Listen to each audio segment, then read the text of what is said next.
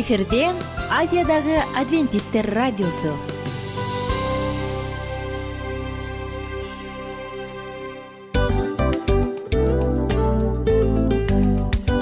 Достор салют. Баардык сүйүктүү угармандарыбызга салам айтабыз. Кутман күнүңүздөр менен. Ден соолук өмүрдүн булагы демекчи саламат саамы программасында баарыңыздарды көргөнүбүзгө абдан кубанычтабыз. Анда алгач амандашып өтөлү арбаңыздар деп. Ден соолугуңуздар кандай элибизде көбүнчө ден соолук кандай дегенде эле жакшы деп жооп беребиз э? ооруп турсак дагы жакшы дейбиз анан мен муну айтып ойлойт элем бул абдан сонун сөз депчи анткени бул жакшы деген үмүт да ооба баары жакшы болот. Баары сонун. Деп үмүттөнүп атып эле өзүбүздү өзүбүз дарылап коебуз анысы кандай? Сиздин дагы ден соолугуңуз жакшы беш деген үмүттөбүз? Чындыгында ден соолук бул өмүрдүн булагы деп бекеринен айтылган эмес деп ойлойм. Кыргыз элинде. Анткени эгерде ден соолук жок болсо анда адамдын жашоосунда калган баардык керектүү маңыздуу нерселер өзүнүн баалуулугун жоготуп коет. Ошондуктан ден соолук бул эң керектүү нерсе. Ооба туура айтасың кесиптешим. Чынында ден соолугуң жок бир эки үч күн ооруп калсаң эле кандай болуп калат? Жашоодо көз каранды болуп каласың көп нерсеге жетишпей каласың көп нерсени кыла албай каласың жада калса эшикке дүкөнгө да чыга албай каласың. Туп туура анан ден соолук болсо демек биз биздин бактыбыз тоодой деп койсок болот. Анда достор саламат рубрикабызды баштайлы. Алдыда өзүңүзгө керектүү болгон сонун кеңештерди уга аласыздар. Мына ошондуктан биз менен бирге болуңуздар. Ал эми биз болсо милан жана айнура.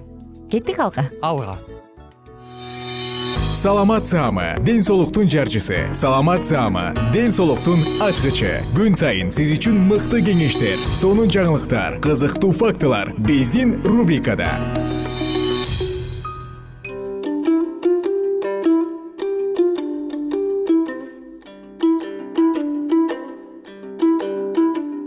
саламатсыздарбы кадырман биздин угармандар. Кайрадан сиздердин назарыңыздарда ден соолуктун ачкычтары программасында кездешип жатканыбызга өтө кубанычтабыз.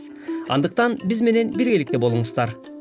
Стресс менен дээрлик азыркы замандын ооруларын гипертония инфаркт жүрөктүн айрым илдеттерин жумур жана он эки эли ичегинин жараларын колитти баш ооруларын куяңды астманы нерв ооруларын ракты байланыштырышат. Ошол эле учурда стресстин жоктугу да ооруга чалдыктырышы жана канаттанбоого тынчсызданууну чалыккандыкты зеригүүнү жана депрессиянын жана депрессияны чакырышы мүмкүн. Ошондуктан жоон ортону кармануу маанилүү. Анткени жандуу организмге белгилүү бир өлчөмдө стресс зарыл керек. Деги эле стресс деген эмне өзгөрүүнү талап кылган ар кандай кырдаалда алып чыгат. Жана ага организмдин чыңалуу процессин кошот.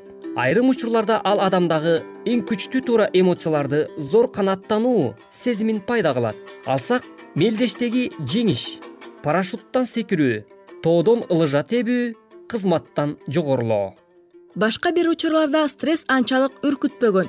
Бирок баары бир күчтүү кубаныч сезимдерди мисалга жумушуңузда мактоого татыгандык. Балаңыздын күндөлүгү жакшы кабар романтикалуу кече жана башка себеп болгон сезимдерге түрткү болот. Айрым бир маңызы жагынан оң болуп эсептелген стресстик кырдаалдар. Мисалы үйлөнүү тоюндагы салтанаттары.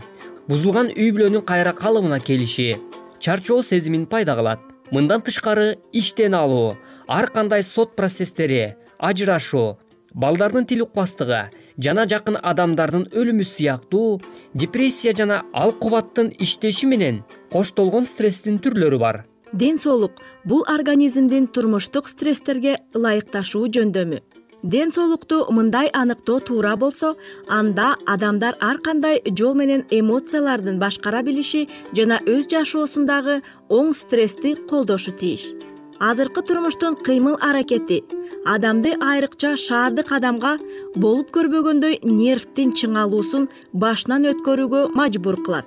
Ал баарына үлгүрүш керек. Анын бул жашоодо бир гана мүмкүнчүлүгү бар. Жана колдон келишинче турмуштан баарын алууга үлгүрүү керек деген ой санаа башкарып алган. Реклама ага тезинен бир нерсе сатып ал бир жака бар бир нерсе менен рахаттан деп үйрөтүп турат.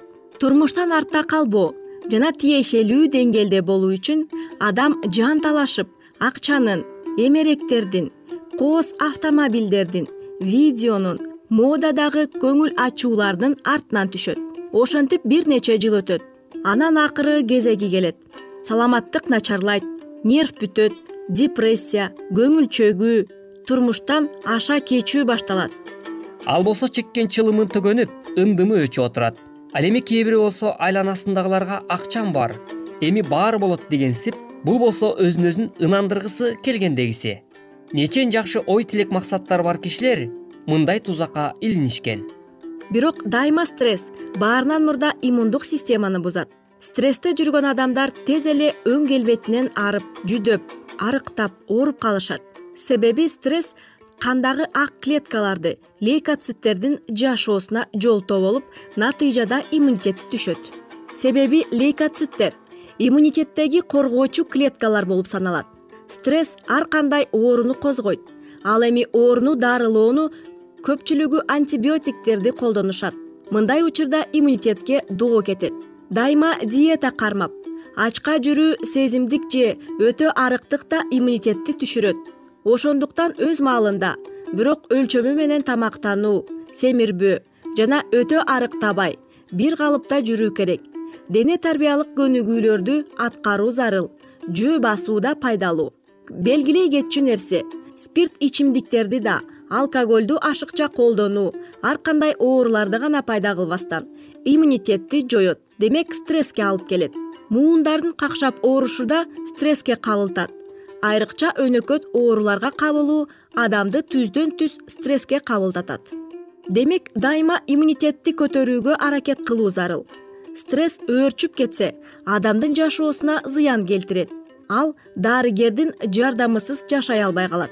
Стресс күчөп кетсе олдоксон кыймыл аракетке агрессияга оройлукка ар нерсени тобокелчиликке салууга баардык жакындар менен мамилени бузулушуна аша чапкан эмоционалдуулукка акырында өз өмүрүнө кол салууга чейин алып барат. Узак убакыт жалгыздыкта жашоо жалгыздыкты самоо да стресске алып келет.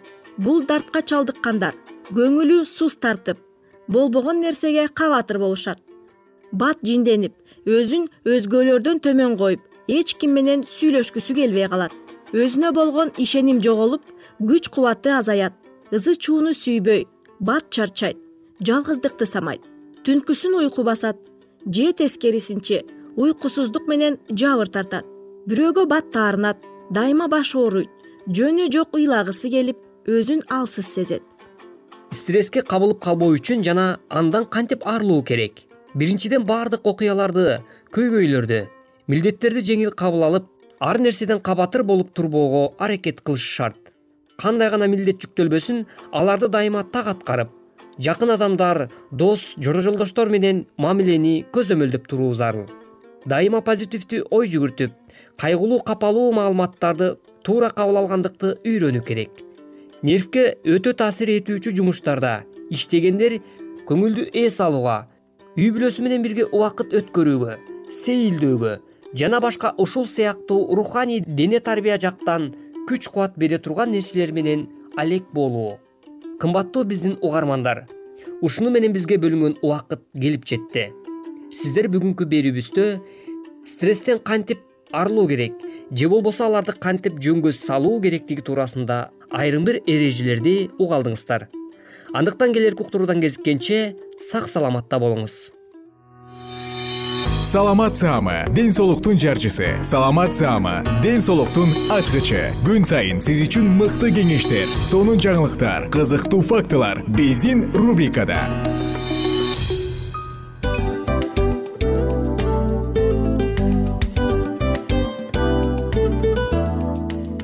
Салам достор. Кайрадан биздин сүйүктүү рубрикабызга кош келиңиздер деп айтмакчыбыз баардык замандаштарыбызга арбаңыздар деп саламыбызды айтабыз. Улуу ушундай бир э, урматтаган учурашуу менен.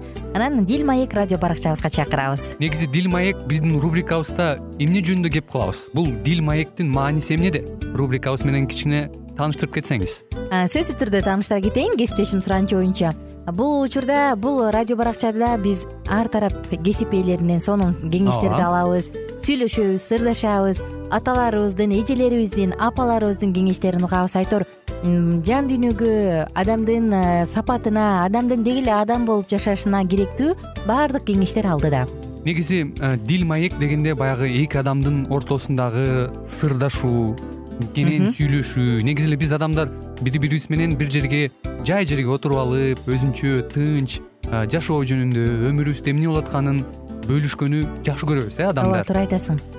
Анан мындай учурга кээде убакыт да жетпей келет э. Же болбосо сырыңды кайгыңды муңуңду кубанычыңды айткың келет а адамга ишенбешиң мүмкүн. Ооба. А бул радио баракча угармандарыбыздын чыныгы досу. Анткени бизден алган кеңеш сиздин жашооңузга чоң жардам берет.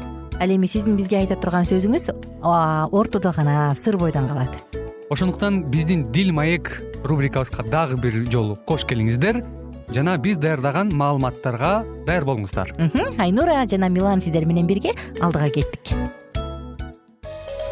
Ар түрдүү ардактуу кесип ээлеринен алтын сөздөр жүрөк ачышкан сыр чачышкан сонун маек дил маек рубрикасында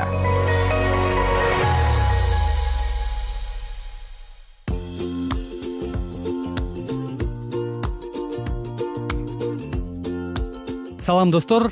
Кайрадан биздин дил маек программабызда сүйүүгө арналган маектерибизге кош келиңиздер. Меку ако кызматтабыз. Бүгүнкү тема дагы сонун жаштарга өзгөчө арналат. Жана албетте үй бүлө куруп келинчегин же болбосо жолдошун жолугушууга чакырайын деп турган үчүн дагы. Негизи жалпысынан бул өспүрүмдөргө жана жаш курактагы кыз жигиттерге арналат. Ар бир адам жашоосунда жок дегенде бир жолу жолугушууга барып көрсө керек. Сөзсүз. Анан дал ушул жолугушуунун кандай мотивдери болот? Биз деги эле эмне үчүн жолугушууларга барабыз? Мына ошол жөнүндө сөз кылалы. Эгерде силер жолугушууга эч качан бара элек болсоңуздар анда сөзсүз түрдө пландаштырыңыз. Дагы жана биздин кеңештерге көңүл буруңуздар. Бүгүн биз аку айтып кеткендей чындыгында ар кандай мотивдер же ар кандай максаттар менен адамдар жолугат биз алар жөнүндө бир аз кеп туруп кетебиз. Баягы мырзалардын көпчүлүгүнөн байкасаң жактырган жакшы көрүп калган кыз менен жолугушканына барганда бети кызарып какап чакап сүйлөй албай э. Майда калтырак басып бир башкача болушат го. Жана айым деле өзүнүн жакшы көргөн жигити менен жолугушууга барганда ар жак бери карап ашыкча бир кыймыл аракеттерди жасап толкунданып укмуш болот да. Ооба. Жалпысынан эмне үчүн жолугушабыз деги эле эмнеге барабыз? Кандай мотив бар бизде? Эң биринчи баягы э, таралган мотивдердин бири бул тилекке каршы эгоизм деп аталат экен. Эгоизм. Эми мындайча айтканда кээ бир мисалы үчүн жигиттер баягы досторуна мактаныш үчүн коомго көрсөтүш үчүн мына мен моундай кыз менен жүрөм же мисалы үчүн мен э, достору менен баягы мелдешип мен тетиги кызды чабам деп айтат го. Ооба бул кызды чабам деп. Ошондой мотив менен достошуп баягы жолугушууга баргандар бар. Албетте бул э, эми оюн деп айтсак болот анткени мындай терең мааниге берилбестен мындай ойлонуп кылбастан жөн эле баягы элдике мактаныш үчүн өзүңдүн сулуулугуңду өзүңдүн канчалык укмуштуулугуңду көрсөтүш үчүн гана кылганыңдын себеби болуп турат. Жакында бир спорт менен машыккан мырза айтып калды. Э, бир жака башка чет өлкөгө барып анан ал жерден модель айымды көрүп калыптыр да подиумдан. Анан мен ушул кызга жетем деп досторуна убада берип коет. Анан ошол кызга жетиш үчүн дейт мен канча деген акча короттум канча деген убакыт короттум дейт. Аягында аны жаман көрүп калдым тескерисинче дейт да анткени мен ойлогондой кыз эмес экен деп анысы кандай? Чындыгында башкаларга мактаныш үчүн э өзүбүздүн эгоизмдин артынан кубалап жатып ал да болуп калат. Дагы бир себеби баардыгың кыз жигит болуп жүрбөйбү. Тигинин жигити бар мунун сүйлөшкөн кызы бар а меники жок деп анан ошол жанындагы өзүнүн курдаштарынан артта калбаш үчүн жолугушушум керек дейт дагы анан издей баштайт. Ким менен жолугушам деп. Бул дагы мотив болуп калат. Чындыгында кээ бирде сен мисалы үчүн толтура сабактарың турса сенин жашооңдо приоритет мисалы үчүн окууну бүтүрүү болсо же экзамендерди тапшыруу болсо жигит же кыз ии мен дагы деле эч ким жарымым жок сүйгөнүм жок деп башка бир кереги жок бир көйгөйдү өзүнүн жашоосунда биринчи орунга коюп алышат. Качан күйөөгө тием деппи ошон үчүн албетте жашоодо свидание свиданиясы менен жолугушуу жолугушуусу менен. Бирок приоритеттерди койгонду да билишибиз керек. Эгерде эми жок жолугуш эч кимди көрө элек болсом эч ким менен жолугуша элек болсом эми андан депрессияга батуунун кереги жок. Ошон үчүн өз убактысында ал жигит же кыз сөзсүз түрдө жашоодо пайда болот. Э, андан тышкары дагы бир э, мотивдердин бири бул кээ бир жигиттер же кээ бир кыздар бир убакытта бирөө менен гана сүйлөшпөстөн төртөө бешөө менен э, бир эле убакта? бир убакта сүйлөшүп жүрүшөт смс менен бирөөсү менен жазышат whatsapp менен башка бирөөсү менен инстаграмда башка бирөөсү менен. Бул албетте мен билбейм кантип түшүндүрсө болот бирок бул эч кандай маани берилбеген мындай несерьезный кандайдыр бир мотив менен жашагандар. Мынакей демек э, бир эле учурда бир нече адам менен сүйлөшүп жүрсө анда сүйүү жок э ал жөн гана жактыруу жөн гана симпатия. Ооба а эгерде жок деп жүрөк бирөөнү гана тантап ага ашык болуп калган болсо анда ал кыздан же жигиттен башка адам көрүнбөйт көзүнө деп коет эмеспи.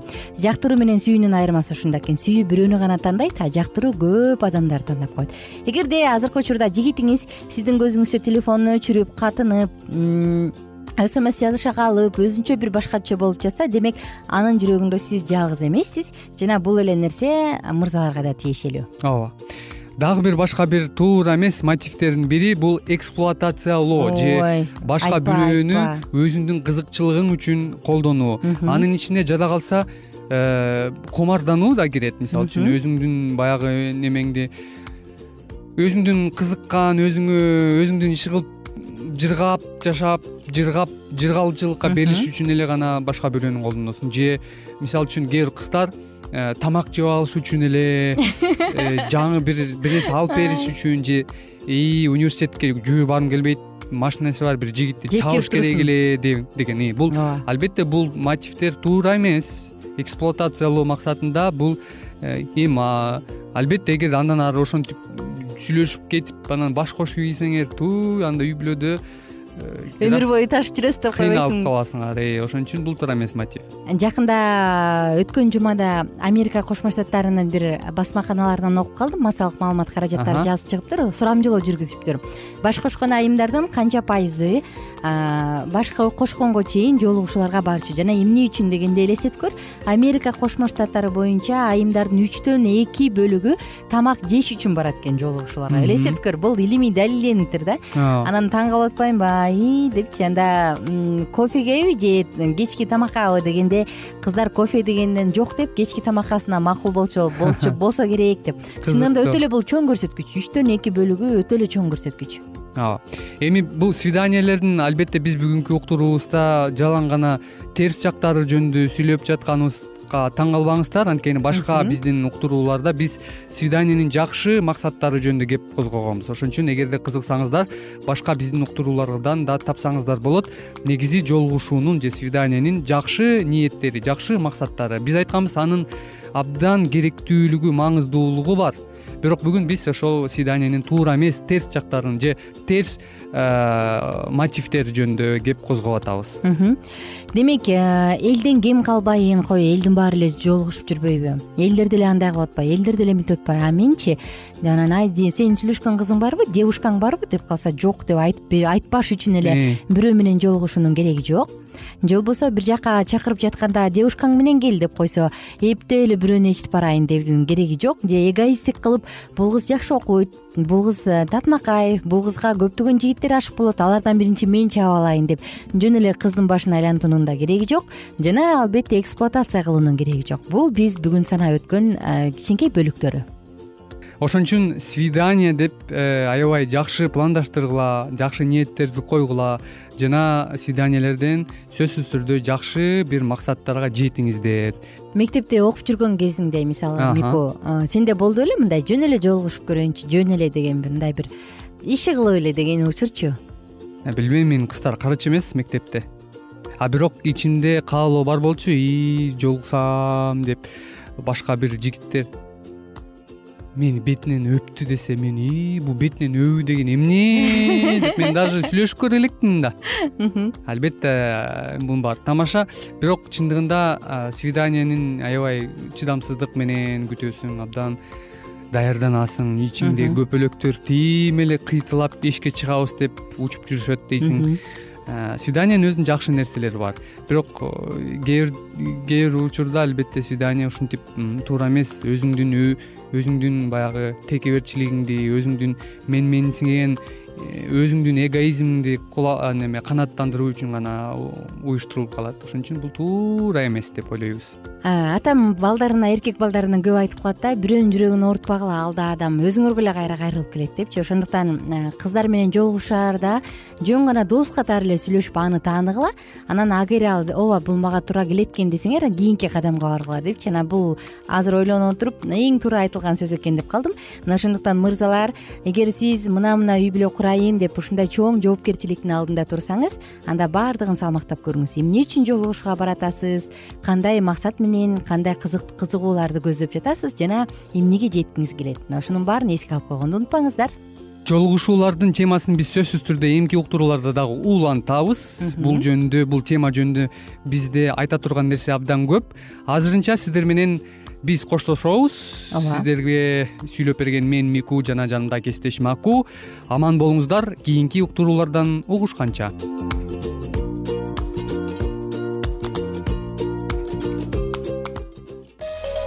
Ар түрдүү ардактуу кесип ээлеринен алтын сөздөр жүрөк ачышкан сыр чачышкан сонун маек дил маек рубрикасында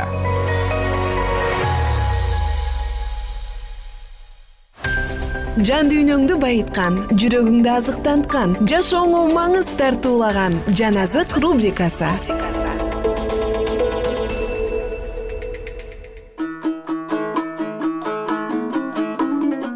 Саламатсыздарбы достор сиздер менен улуу күрөш китебин улантабыз.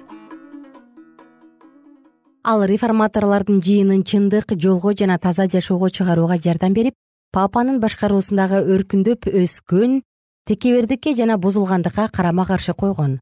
Женева реформаторлордун окутууларын жана китептерин таратыш үчүн окутууларды жөнөтүп турган. Ага баардык мамлекеттерден запкы жеген адамдар колдоо жана жолдоо күтүп өз жүздөрүн бурушту кальвиндин шаары батыш европадагы куугунтукталган реформаторлор үчүн баш калканаар жай болуп эсептелди.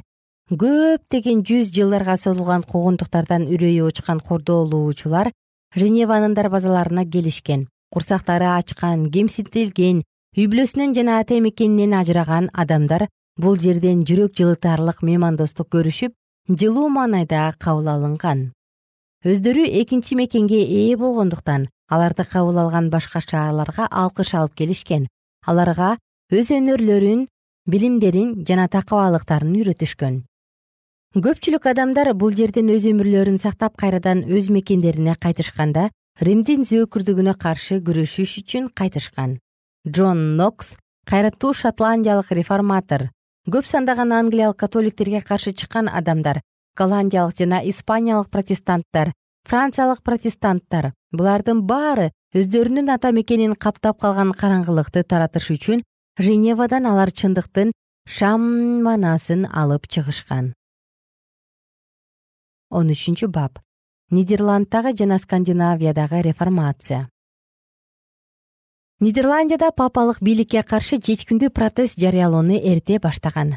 Лютерден жети жүз жыл мурда эле эки епископ папага кайраттуулук менен каршы чыгат. Алар римде болуу менен касиеттүү тактыда отургандын чындыгында ким экендигин жана анын чыныгы сапатын көрүшкөн.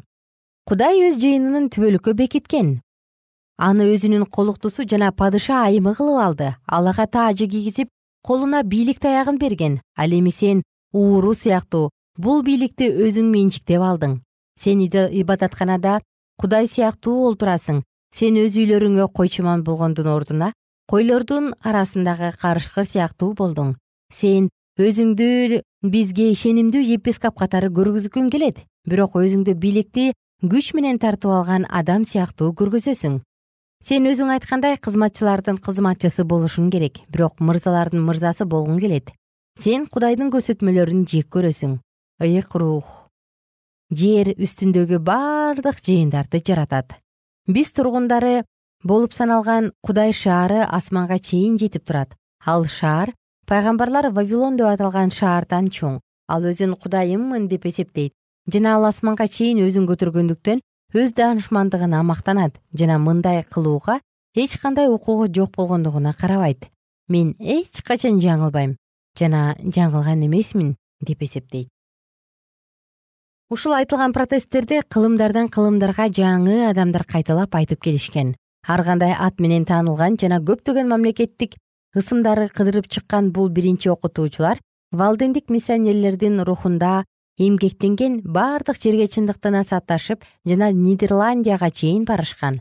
Алардын окутуусу бат эле таралып кетти. Алар валдендиктердин тилинен ыйык жазууну голландиялыктардын тилине которушуп жана бул көп сандаган адамдарга көптөгөн пайда алып келет деген ойдо болушкан. Анткени бул китепте эч кандай жеңил ойлуулук эч кандай тамсил тамаша шылдың куйтулук жок. Бирок бир гана чындыктын сөздөрү бар эле албетте мында дагы өзүнүн татаалдыктары кездешет бирок баардык корутундусу жакшылыкка жана ыйыктыкка үйрөтүп ар бир адам үчүн жеткиликтүү. Байыркы ишенимдин достору он экинчи кылымда ушинтип жазышкан куугунтуктар башталды бирок кыйнаганга жана отко жакканга карабастан чындыкка ишенгендердин саны уламдан улам көбөйө берди. Жана алар диний суроолор боюнча кынтыксыз авторитет бир гана мукадас деп баса белгилешкен жана бир дагы адамды мажбурлап ишендирүү мүмкүн эмес. Бирок насаат айтуу менен гана ишенимге келтирсе болот. Лютердин окутуулары нидерландияда жакшы топурактарды тапты. Жана ал жакта жакшы кабарды таратыш үчүн ачык айкын жана ишенимдүү анын жактоочулары табылган. Менно симонс голландиянын бир аймагынын тургуну эле. Римдик католик чиркөөнүн ишенимине ишенимдүү жана кол коюлуп сыйынган насаатчы болгондуктан ал мукадасты билген дагы эмес жана окугусу дагы келген жок. Анткени аны окусам жалгандыктын торуна кабылып калам деп чочулаган. Качан ал сөздөрдү жүзөгө ашыруу жөнүндөгү суроого келип кадалганда булар шайтандан келип жаткан ойлор деп мындай ойлордон сыйынып жана тобо келтирип кутулууга болот деп ойлогон. Бирок мунун баардыгы куру бекер убара болчу. Бир нече убакыттар өткөндөн кийин ал жаңы осуятты жана лютердин кол жазмаларын окуп көрөт. Жана жыйынтыгында реформатордук ишенимди кабыл алган дагы бир жолу ал бир кишинин жазасына күбө болот. Ал кишини кайрадан чөмүлүү алгандыгы үчүн гана башын кесип салышкан. Бул көрүнүш ага кайрадан ыйык жазууну карап жаш балдарды сууга чөмүлдүрүү жөнүндө изилдөөгө түрткү болду. Ыйык жазуудан жаш балдарды сууга чөмүлдүрүү жөнүндө бир да далил табылган жок. Тескерисинче чөмүлдүрүлүү алыш үчүн тооба кылуу жана ишеним талап кылына тургандыгы айтылгандыгына ал толук түшүндү. Менно рим чиркөөсүн таштап кетти. Жана өзүнүн калган өмүрүн өзү кабыл алган чындыктарды таратууга арнаган. Германияда дагы нидерландияда дагы түшүнүгү жок тополоң чыгара турган коомчулуктун бекемдигин бузуп залимдикке жана тынчсыздыкка алып келүүчү окутууларды тараткан фанатиктер аз эмес болчу. Бул кыймылдын акыры жамандыкка алып келерин менно жакшы түшүнгөн жана бул жалган ой жүгүрткөн фанатиктердин маданиятсыз пландарына карата ал жигердүүлүк менен күрөш жүргүздү. Көптөгөн адамдар бул тополоң салган окутууларга алды менен ишенишкен акыры өздөрүн өлүмгө алып баруучу адашуудан баш тартышты. Андан тышкары бардык христиандардын жолун жолдогон адамдар дагы болушкан. Алар валдендердин тукумдарынан эле. Менно өз ишин ушул адамдардын арасында баштайт жана анын иштери чоң ийгиликке жетишкен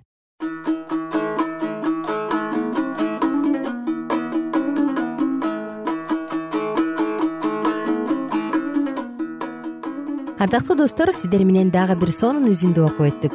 Жалпыңыздарга көңүлдүү күн көңүлдүү кеч жана негизи эле маанайыңыздар дайыма беш болсун. Кайрадан кийинки уктурууда амандашып кызыктуу окуяны улантканча сак саламатта туруңуздар.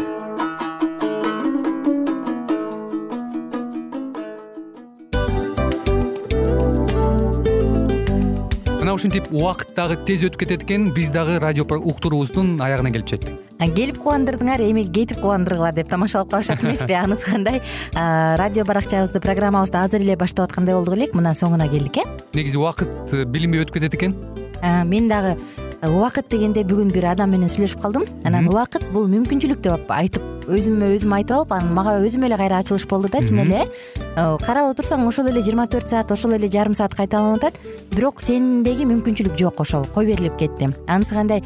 Бүгүнкү сонун убактыңызды алтындай болгон жарым саатыңызды бизге бөлүп арнаганыңыз үчүн ыраазычылык айтабыз анан жашооңуздун кайсы бир сферасын өзгөртө турган сонун пайдалуу кеңеш алган болсоңуз анда биз максатыбызга жеттик. Анан ушул нерсени кылбасам десеңиз ошол өзгөрүүлөрдү кичинекей кадамдардан баштап иш жүзүнө ашырыңыз дагы жашооңузда чоң чоң ийгиликтерге жетиңиздер.